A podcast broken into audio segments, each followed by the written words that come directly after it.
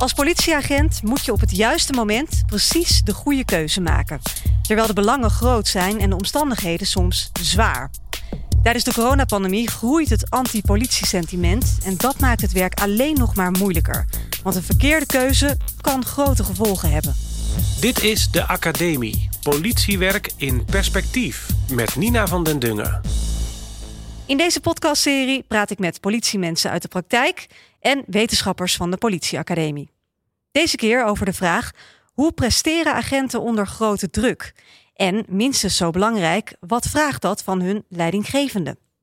De praktijk en de wetenschap die zitten hier bij mij aan tafel. Namens de wetenschap Annika Smit, lector weerbaarheid aan de Politieacademie. Welkom Annika. Dankjewel. En vanuit de praktijk Pieter Winkel. Jij bent brigadier en je werkt als operationeel coördinator. Pieter, welkom. Dankjewel. Operationeel coördinator, dat houdt in? Dat houdt zoveel in als dat je de dienst uitzet. Dus dat je gaat over de dienst, dienstverantwoordelijk bent. En samen met je collega's er het beste van maakt. En zit je dan vooral op kantoor of ga je ook de straat op? Nee, met name ook de straat op. Ja. In een sturende, coördinerende positie. Ja. We zitten hier ook op jouw politiebureau in Amsterdam. Dit is jouw uitvalsbasis. Dat is correct. Meer dan welkom overigens. Dank.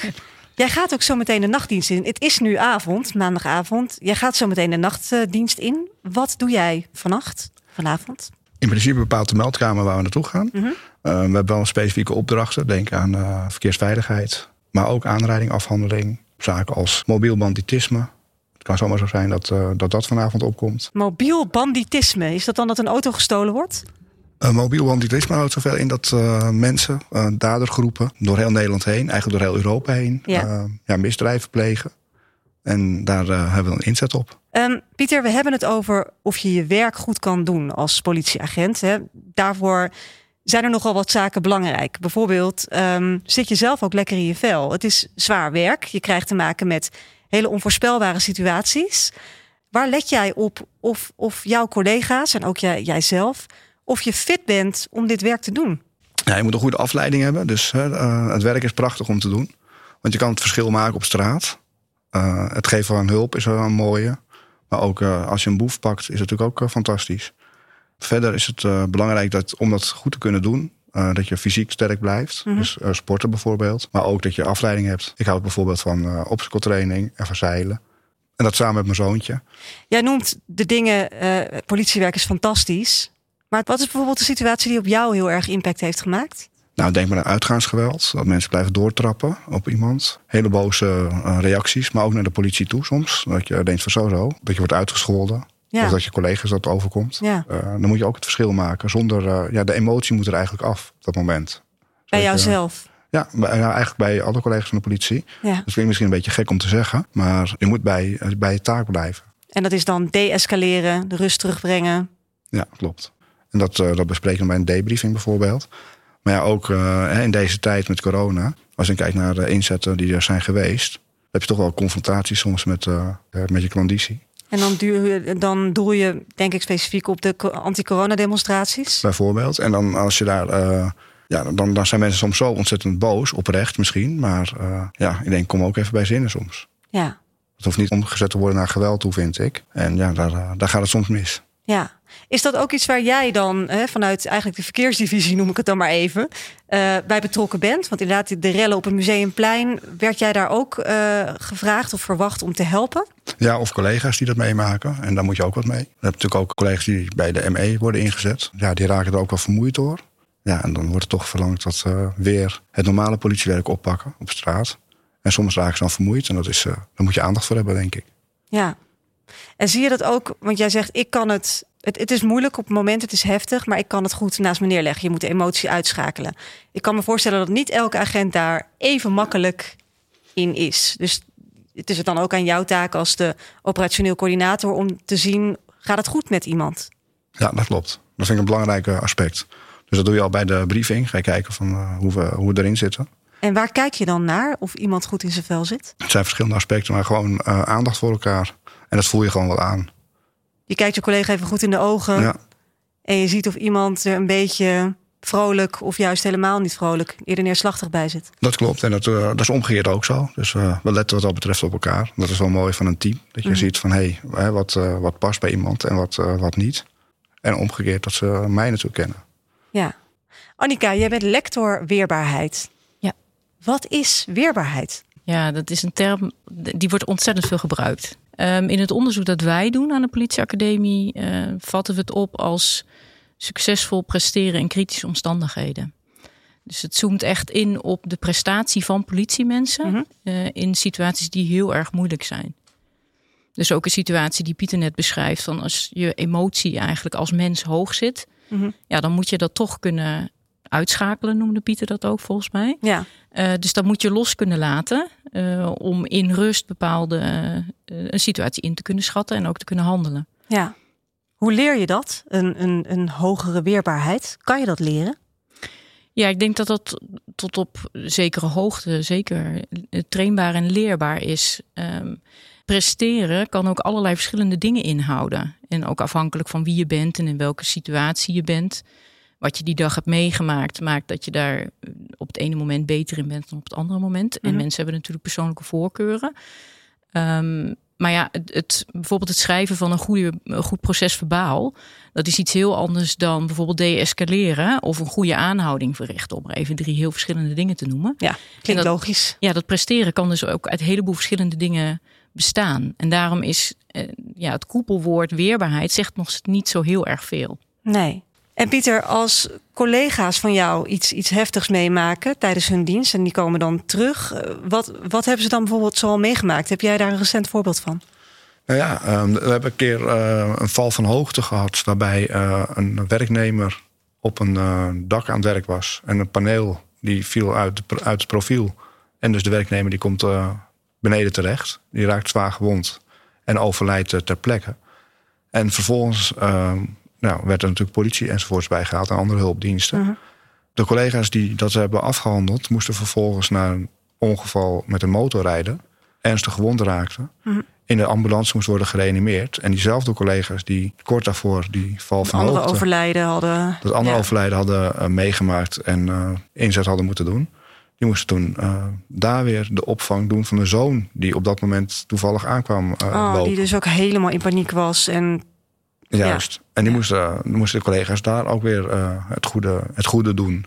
En dat is uh, wel belastend. En dat zie, daar zie je dus aan dat het heel moeilijk is om uh, collega's soms eventjes... Ja, want eigenlijk na dat eerste ongeval wil je collega's heel even zo'n debriefing geven. Hè? Van even terug op, op hier op, op, op het bureau om even alles los te laten. Maar die moesten meteen door naar een heel heftig ander ongeval. En op dat moment kun jij als leidinggevende eigenlijk niet ze even dus vrij spelen. Dan kan je ze niet vrij spelen, omdat er gewoon uh, ja, capacitaire problemen zijn dan. Of, uh, ja. of dat, het, uh, dat ze dicht bij die specifieke melding rijden. Dat ze daar naartoe moeten van de meldkamer. En dat is best belastend voor collega's. Maar ook voor jou als leidinggevende lijkt het me heel frustrerend... dat je dan dus eigenlijk niet kan doen wat je zou willen doen. Dat is heel vervelend, ja. Ja, dat is, die, dat is een vorm van machteloosheid... Die, waarvan we ook weten uit onderzoek dat die funest kan zijn... Dus het werkt eigenlijk dubbel. Zowel voor de medewerkers die geen hersteltijd hebben, als voor de leiding die iemand dan niet even in de luwte kan plaatsen en zich machteloos voelt. En wat heeft dan in jouw optiek weerbaarheid met het werk van Pieter in de praktijk te maken? Nou, ik denk in ieder geval op twee verschillende manieren. Het is het handelen zelf. Dus dat je bijvoorbeeld in staat bent om uh, iemand te reanimeren, terwijl je een schokkende ervaring net hebt uh, doorleefd. Uh, dat je je stress zeg maar terug kunt brengen en dat je zelf kunt handelen. Dus dat je door kunt pakken bijvoorbeeld. Dat is in het handelen zelf. Um, maar het is ook als mens kunnen blijven functioneren. Dus dat je op langere termijn um, je werk kunt blijven doen. Maar dat je ook gewoon de vader, de, de man uh, of, of de dochter of uh, mm -hmm. noem maar op kunt blijven zijn. Dus het heeft iets in, in het operationele werk zelf. Ja. Maar het heeft ook iets in het menselijk zijn van mensen te maken. Dus ja de persoon achter het uniform. Ja. ja, want ik kan me wel voorstellen dat zeker als iemand vaak in een heftige situatie verzeild raakt, ook al is het vanuit je professie, vanuit je beroep, dat dat toch op de lange termijn iets met iemand doet. Dat het toch. Um, nou Uiteraard. Ja. ja. Ja, je bent natuurlijk tot op zekere hoogte ook niet een optelsom van je ervaringen, maar het maakt nogal uit wat je in je leven meemaakt. Dus dat vraagt ook herstel en het vraagt ook verwerken. En dat hoort ook bij het politiewerk. En dat in de ogen kijken, waar je het net over had. Dus dat je elkaar in de gaten houdt om te zien hoe het gaat. Ja, dat is in het belang van het presteren dus, maar ook in het belang van de mensen die in het vak werken. Ja. Om het ja. vol te kunnen houden. Ja. Ja, Pieter, je hoort Annika vanuit de wetenschap zeggen: ja, je hebt herstelperiode nodig. Je moet dingen verwerken. Is daar tijd voor als agent? Ehm, soms niet. Soms heb je te veel eh, nachtdiensten bijvoorbeeld. Of te veel inzetten gehad. Dan zie je echt dat mensen wel op hun tandvlees lopen. En volgens mij is dat nu ook door de capacitaire problemen wel een eh, aandachtspunt. Om goed te kunnen rusten. Op je, Ja, ja, om goed te kunnen presteren. moet want je door corona rusten. vallen mensen uit. Onder andere. Onder andere Maar ook door eh, gewoon ziektes. burn-out. Burn-outs, noem het op. Ja, er is een hele scala van. Is het politiewerk ook zwaarder geworden, bijvoorbeeld in die coronatijd? Dat denk ik wel. Omdat je veel met handhaven bezig bent of bent geweest. Nu valt dat eh, op dit ogenblik wel mee, heb ik het eh, idee. Maar in het begin, eh, in de aanloop, was het wel dat je soms voelde alsof je tegen de burger bent. Maar dat is natuurlijk niet zo. Je wilt met de burger de ziekte bestrijden, Ja. ik het zo maar zeggen. Ja, Ja, je hebt elkaar gewoon heel erg nodig. ja, Dus burger en politie. En dat moet in een goed evenwicht staan. Want ja, anders dan krijg je het niet gedaan. nee, maar dat was natuurlijk de afgelopen twee jaar corona absoluut niet zo. Ik neem aan dat je heel erg een, een, po- een anti-politie-sentiment hebt ervaren. Zeker bij die demonstraties, zoals rellen op Museumplein en elders in het land. Maar misschien ook wel gewoon in, in je dagelijks werk. Of, of is dat niet zo? Ja, maar ehm, in het dagelijks werk kan je het ook wel weer een stukje goed maken. Daar waar het gaat om hulpverlening geven bijvoorbeeld. eh, optreden bij aanrijdingen. Of bij eh, zaken waar je het verschil kan maken. Scheidsrechterfunctie bijvoorbeeld bij een heftige ruzie. Mhm. Dan zie je alweer dat mensen echt wel snappen dat de politie nodig is.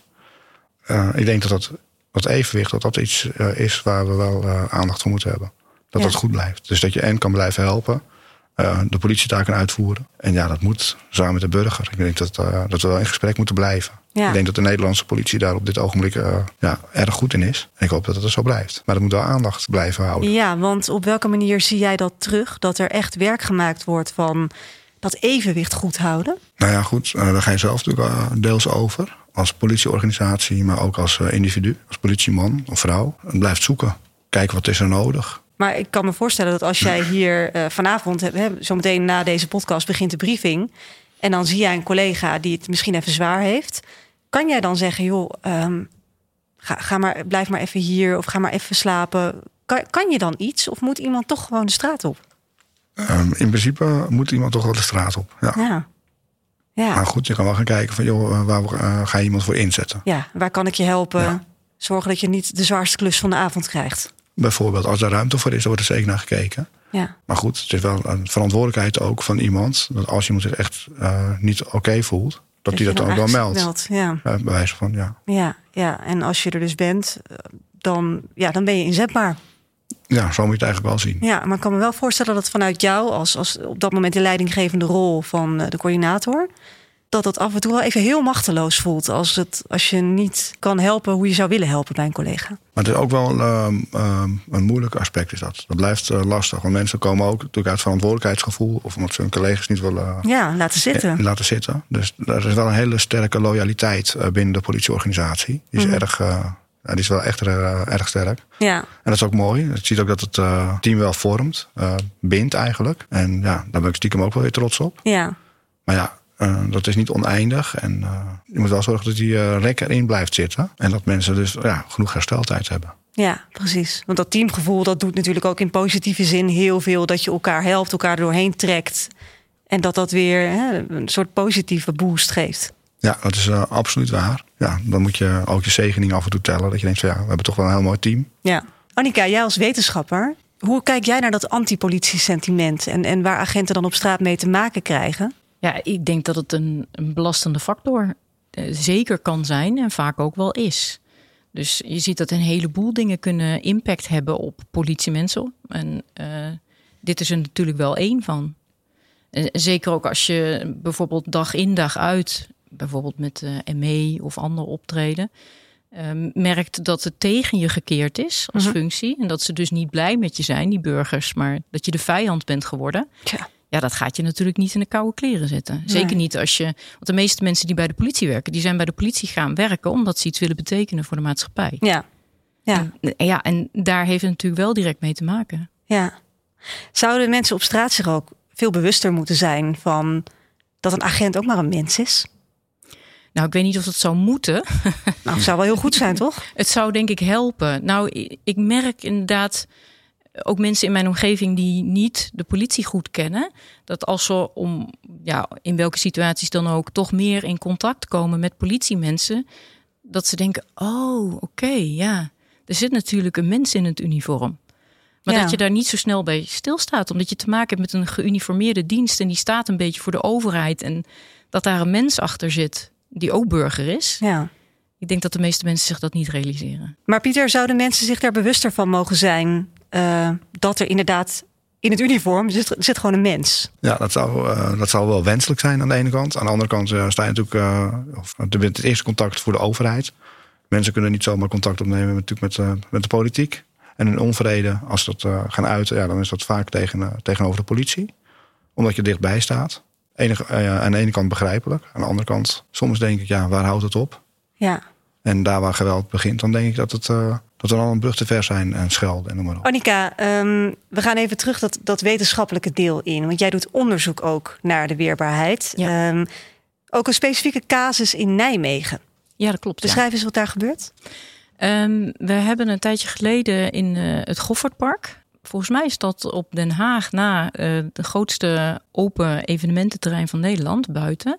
Eh, daar zijn ook heel vaak evenementen. Nou, dan praat ik wel over de periode voor corona. Ja, die hele grote concerten, hè? hebben we Ja. het dan over. Ja, het probleem is daar dat als het evenemententerrein wordt, dan wordt het feitelijk onherkenbaar, omdat het helemaal vol staat. Niet alleen maar met mensen, bezoekers. Podia, Podi ja, tentjes, wc's, E EHBO. Ja, en zelfs als je het heel goed kent, het park, herken je het eigenlijk niet. Maar het probleem is ook dat heel veel eh, politiemensen daar ingezet worden die het terrein niet kennen. En eh er loopt beveiliging rond, dus in principe lopen politiemensen daar ook niet meer rond. En pas als er echt iets ergs aan de hand is, komen de politiemensen. En als ze dan daar rond moeten lopen, dan is het natuurlijk alleen al ingewikkeld om daar te navigeren. Dus wat wij hebben gedaan in het onderzoek is gekeken van als je nou in virtual reality al rond kunt lopen op dat terrein. Evenemententerrein. Op dat dus dat, het- dat het al vol staat met bebouwing op dat Precies, moment. Ja. bebouwing en mensen. Mhm. Eh, en dat je wat nu zeg maar het bestuderen van een platte kaart is, een kwartier voordat je het terrein eh, op moet. Eh, dat is dan een kwartier rondlopen op het evenemententerrein, maar dan in virtual reality. En daar hebben we gekeken of dat verschil maakt. Dus of je je op die manier voorbereidt, of mensen dan beter worden in het navigeren, maar ook of ze sneller herstellen. En wat heeft dat te maken met weerbaarheid? Nou, het goed navigeren op een terrein, dus jezelf goed kunnen oriënteren, is onderdeel van het vakmanschap. Mhm. Je zou kunnen zeggen, het presteren in kritische omstandigheden is dan de prestatie dat je zonder al te veel zoekgedrag, zigzagbewegingen, eh, op de plek aankomt waar, je, moet handelen. Dus ja. er is ergens een melding, eh, geweld, ruzie, waar je moet ingrijpen. Daar wil je snel naartoe. Ja. Dus je weet, ik heb haast. En dan is het laatste wat je wil verdwalen. ja, dus je moet eh, en tegelijkertijd moet je goed om je heen kunnen blijven kijken. Hm. Dus je moet met aandacht moet je om je heen blijven kijken en je moet daar aankomen Ja. in een redelijke termijn. Ja. ja. Eh, maar ze moesten naar een bepaalde locatie en kregen, terwijl ze daarna onderweg waren, de melding dat ze toch ergens anders moesten zijn. Mhm. Dus ze moesten daar ook nog van afwijken. Eh, en tegelijkertijd dat ze dat deden, hebben we de hartslag gemeten. Tracking hebben we gedaan. Dus we hebben gekeken van hoe lopen ze. Ja, precies. Hoe lopen Eh, ze? dus navigatiegedrag hebben we gemeten. Eh, en we hebben cortisolmeting in het bloed gedaan. Dus, eh, Dat is dat stresshormoon, hè? Ja. Cortisol. Ja? Precies. Op basis daarvan konden we vaststellen dat mensen die in virtual reality hadden rondgelopen, dat die eh, minder zoekbewegingen maakten. Dus ze gingen, Ze wisten beter waar ze aan toe ze konden moesten. zich beter oriënteren. Mhm. Eh, ze hadden meer aandacht. Dat konden we afleiden uit de hartslagdata. En ze herstelden na afloop sneller. Dus na tien uur, tien uur na hun inzet, ehm, was eigenlijk dat stresshormoon, Cortisol. cortisol. verder naar beneden in de eh, groep die in virtual reality hadden Ja, rondgelopen. en dus de mensen met de platte kaart hadden daar meer last van. Ja, die hadden nog steeds, zaten ze niet op baseline niveau na tien Hmm. uur. En dit zegt dus dat het eigenlijk, als je maar van tevoren een betere voorbereiding krijgt, Ja. Kan Dat- helpen bij herstel. ja, Ja, bij herstel, dat Ja. je verwerkingsperiode korter wordt. en hier komen eigenlijk beide elementen van weerbaarheid ook naar voren. Dus het kan je helpen in de acute prestatie op dat moment. En het kan je helpen bij het herstel. En beide zijn Ja. van belang. Ja. En oké, hartstikke leuk, hebben we onderzocht op wetenschappelijk niveau. Maar kan je dit ook in de dagelijkse po- politiepraktijk echt gaan toepassen? Ja, dat Op wordt op grote dit moment schaal. gedaan. Ja, dat wordt. Nou ja, het is natuurlijk. Want ja, je hebt een Je Goffertpark. niet overal doen. Maar het wordt ook al gekeken, bijvoorbeeld bij de Vierdaagse in Nijmegen, wordt dat meer Ja. ingezet. Ja. Dus er waren al meer pilots uh, werden gedraaid om te kijken van kunnen we die toepassing überhaupt is dat eh, iets wat bruikbaar is binnen Mhm. de politie, maar dan moet je eigenlijk wel weten of het zoden aan de dijk zet. Ja. Dus het onderzoek was eigenlijk om aan te tonen dat het ook zin heeft. Nou, en dat betekent wel dat de politie ermee doorgaat. ja. Pieter, jij als man van de straat, klinkt dit dan voor jou dat je zegt: ja, dit zou ik echt fantastisch vinden? Of zeg je nou, Nee, het eh, klinkt als eh, al goed. Ja, het is sowieso zo dat als je weet waar je mee bezig bent, dus als je weet waar je naartoe moet gaan, kijk, als je ergens naartoe rijdt in stress, dan, eh, en je moet nog zoeken ook, dan is dat stressverhogend. Dus Ja. ik heb er wel beelden bij dat, eh, dat je dan te veel cortisol misschien in je, in je lijf hebt. dus Dat- jij zegt: eh, zet mij die VR-bril maar op, dat, doe ik wel. Ja, ik zou er zeker aan meewerken. Ja. Hm. En het is gewoon zo dat je, nou, hè, als je goed beslagen ten ijs komt, dan heb je ook veel meer rust. Dus ik denk zeker dat het kan bijdragen aan effectiever inzetten. Ja. En herstel ook belangrijk. En als jij nu eh, nieuwe generatie agenten ziet binnenkomen in, in jouw team, heb je het idee dat zij ook echt voldoende weerbaar zijn? Dat ze daar aandacht voor hebben op de opleiding? Eh, mijn eerste inschatting is van wel. Nieuwe eh, mensen, of tenminste de mensen die nu, eh, nu nieuw binnenstromen. Dat, dat idee heb ik al dat het goed zit. Mhm. Maar ja, goed, na verloop van tijd kom je toch met, met zaken in aanraking die je misschien uit de rails laten lopen. Ja, kijk, dan juist is er ook aandacht nodig. Ja. En wij hebben wel vanuit fysiek-mentale weerbaarheid wat trainingen gehad eh, van de politie Amsterdam zelf. Mhm. Ja, ik denk dat het belangrijk is sowieso om daar eh, aandacht voor te hebben en te houden. Ja, ja, dus waar je, wat je zegt, die collegialiteit, hè, dat collega's zien van elkaar of het goed gaat met iemand, dat is, dat, dat is onmisbaar. Ja, dat is onmisbaar. Maar ik denk ook vanuit de organisatie dat er eh, met veilig en gezond werk en noem maar op, dat er wel meer initiatieven zijn om langer ja, het werk goed te kunnen doen. Ehm, zo ook op je voeding letten en noem maar op. Je krijgt je wel tips en trucs voor. Eh, en dat is wel belangrijk om, dat, eh, Helpt om daar dat aandacht voor te hebben. Ehm, dat voor denk jou? ik- Als je het even bij jezelf houdt, helpt het voor jou? Eh, denk ik wel. Ik ben er wel bewuster mee bezig. Ook met voeding en zo. Ja. En met En- name en voor zo'n nachtdienst. Hè. Voorheen had ik zomaar een zak wijngums leeg om, om bij te blijven. Ja, heerlijk. Dat is erg En dat doe je nu niet meer. Nee, want uiteindelijk krijg je toch een dip op een gegeven moment. En dan half vier s'nachts, dan, dan zak je bijna in. Dus eigenlijk door die suikerrush, dat Ja, je denkt, hm, klopt. dat moet dus niet meer doen. Nee, en eh, kijk, dat herstelt weer als je een inzet hebt. Dat je ineens, ineens moet eh, presteren. Mhm. dan, dan kom je alweer eh, bij zinnen. Maar het is toch eh, voor je gezondheid beter als je ook op je voeding let. En je rust probeert te pakken. Ja, dat gezonde werkomgeving is natuurlijk niet alleen bij de politie, maar veel, veel andere bedrijven ook een, een issue. Annika, zie jij ook vanuit de wetenschap dat, dat er bij de politie toch wel echt veel aandacht is, misschien wel prioriteit voor het weerbaar maken van de agenten? Of zeg je, nou, daar valt nog een wereld te winnen? Nou, daar is zeker wel aandacht voor. En toen ik, eh, ik denk rond 2011 begon met onderzoek naar weerbaarheid, dat het toen wat meer een taboe onderwerp was. Dat is het niet meer. En ook wat Pieter zegt, die tips en trucs, eh, bijvoorbeeld met eh, fit en gezond of eh, andere initiatieven en instrumenten binnen de politie, is daar best wel veel aandacht voor. Hm. Ehm, zeker ook voor de fysieke en de mentale as. Moreel is af en toe wat lastiger, want het is ook wat minder goed in instrumenten onder te brengen. Maar ik denk dat dat als je het vergelijkt met tien en zeker twintig jaar geleden, dat er veel meer aandacht voor is. Ja, veel meer. Genoeg al? Nee. Wat kan er nog beter? Ehm, ja, dat is moeilijk om zomaar even onder woorden te brengen. Ik denk waar het gaat om ehm, het bewustzijn van wat er nodig is. Eh, Op de, op de fysieke as is dat al wel redelijk duidelijk. Mhm. Op de mentale as is het al lastiger. Want zeker ook als het gaat om bijvoorbeeld rust en herstel. En de bewustwording ook van de organisatie, wat daarvoor nodig is. Ja, dan gaat natuurlijk het incident altijd voor. Dat begrijp ik ook. Ja. Maar dat betekent ook dat het altijd aandacht behoeft bij een organisatie als de politie. Omdat namelijk de incidenten voorgaan, betekent dat er roofbouw gepleegd wordt. ja, Dus eigenlijk is dat iets wat voortdurende aandacht blijft vragen. En dat Ja. zal nooit helemaal opgelost worden. maar is er dan een gulden middenweg? Want eh, Pieter gaf ook al aan, je wil soms een collega wel ontzien. Maar uiteindelijk moet je wel, de, de capaciteit moet op orde zijn. Er moet voldoende blauw op straat. Dus Annika, hoe, hoe kijk je daar naar, naar dat? Is er een gulden middenweg? Nou, ik kan niet op de stoel van een leidinggevende of de organisatie zitten. Dus ik weet ook niet wat er allemaal bij, me, bij elkaar komt op het besluitvormingsniveau, zeg maar. Maar wat ik zie, ehm, is dat, ehm, eh, dat ja, die roofbouw waar ik het net over had, uh, dat gebeurt wel degelijk. Dus mensen krijgen heel vaak onvoldoende hersteltijd.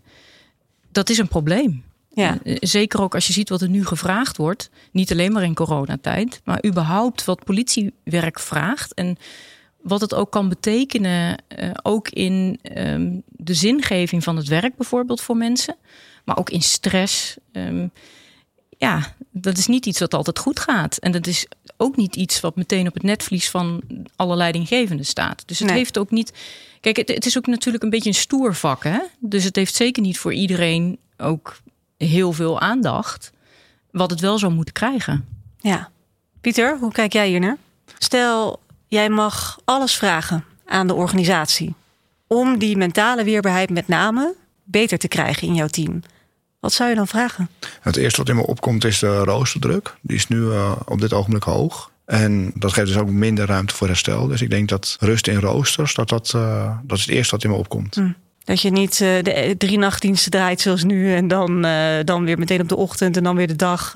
Iets meer regelmaat? Ja, precies. En uh, het is ook door dat mensen uitvallen, ook in coronatijd natuurlijk, door een besmetting of wat dan ook. Dat je ziet dat dat moet worden opgevuld. Je moet toch een minimale bezetting houden om ja. veilig op straat te kunnen werken.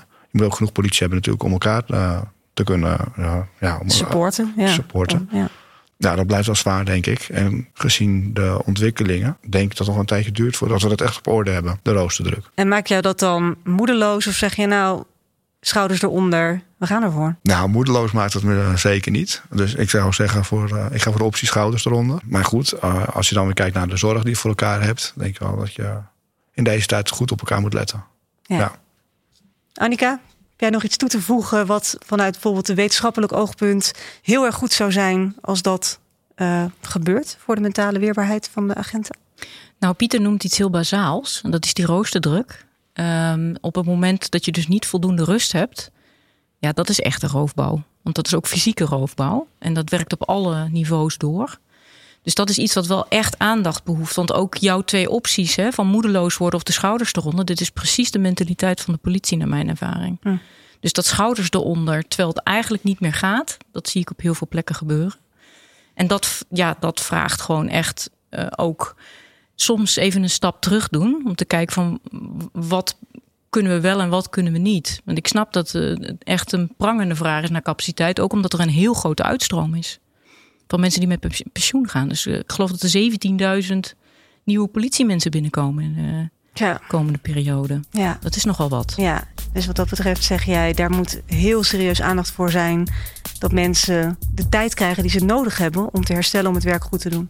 Ja, want dat is eigenlijk uh, ja, de problemen die je voor de toekomst creëert als je dat niet doet. Dank jullie wel.